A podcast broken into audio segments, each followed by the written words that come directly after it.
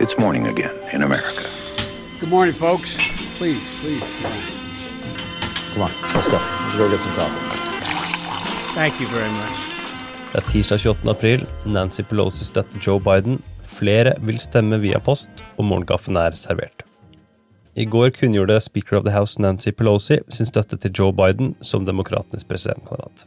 Today, I am proud to endorse Joe Biden for President of the United States because he will be an extraordinary president.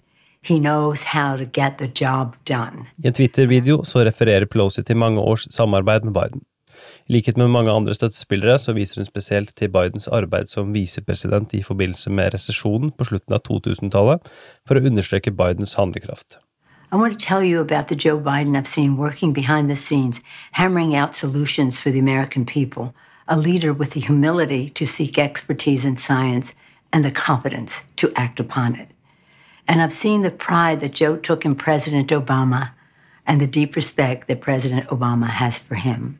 Pelosi benyttet også muligheten til å understreke betydningen av å arbeide også for demokratiske kandidater til både Senatet og Kongressen i valget i november.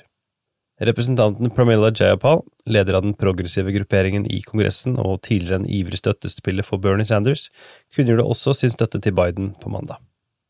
Dagens andre sak flere vil stemme via post. Demokrater er nå langt mer tilbøyelige til å støtte poststemmegivning enn republikanere.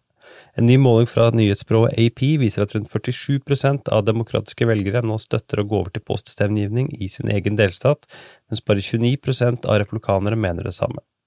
I koronafrie 2018 så var meningene om dette bortimot like blant replikanere og demokrater.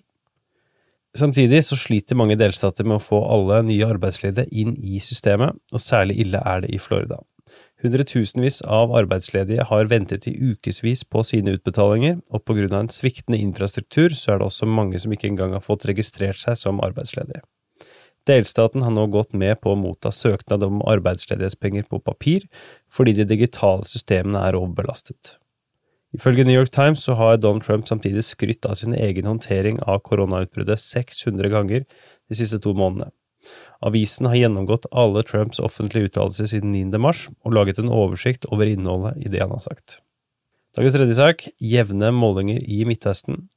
Det er dødt løp mellom Joe Biden og Donald Trump i Ohio, og i en ny måling får Biden 44,9% oppslutning mot Trumps 44,2% I mars fikk Trump 47% og Biden 43% hos samme institutt. Den konservative gruppen Restoration Pack offentliggjorde i går resultater fra tre delstatsmålinger de har foretatt. I Wisconsin og Michigan leder Biden over Trump, henholdsvis 50-45 og 49-43. Det er imidlertid dødt løp i Pennsylvania, der begge kandidatene får 47% oppslutning. På amerikanskpolitikk.no i dag så kan du lese to nye saker fra vår valganalytiker Jon Henrik Gilhus. Ta turen dit, dykk litt ned i enten Ohios tredje kongressdistrikt eller et suppleringsvalg i Baltimore. Veldig spennende, og vi er på ballen. Dagens utgave av Morgenkaffen er uansett servert av Sigrid Rege Gårdsvold og undertegnede Are Togflaten. Leser mer på amerikanskpolitikk.no.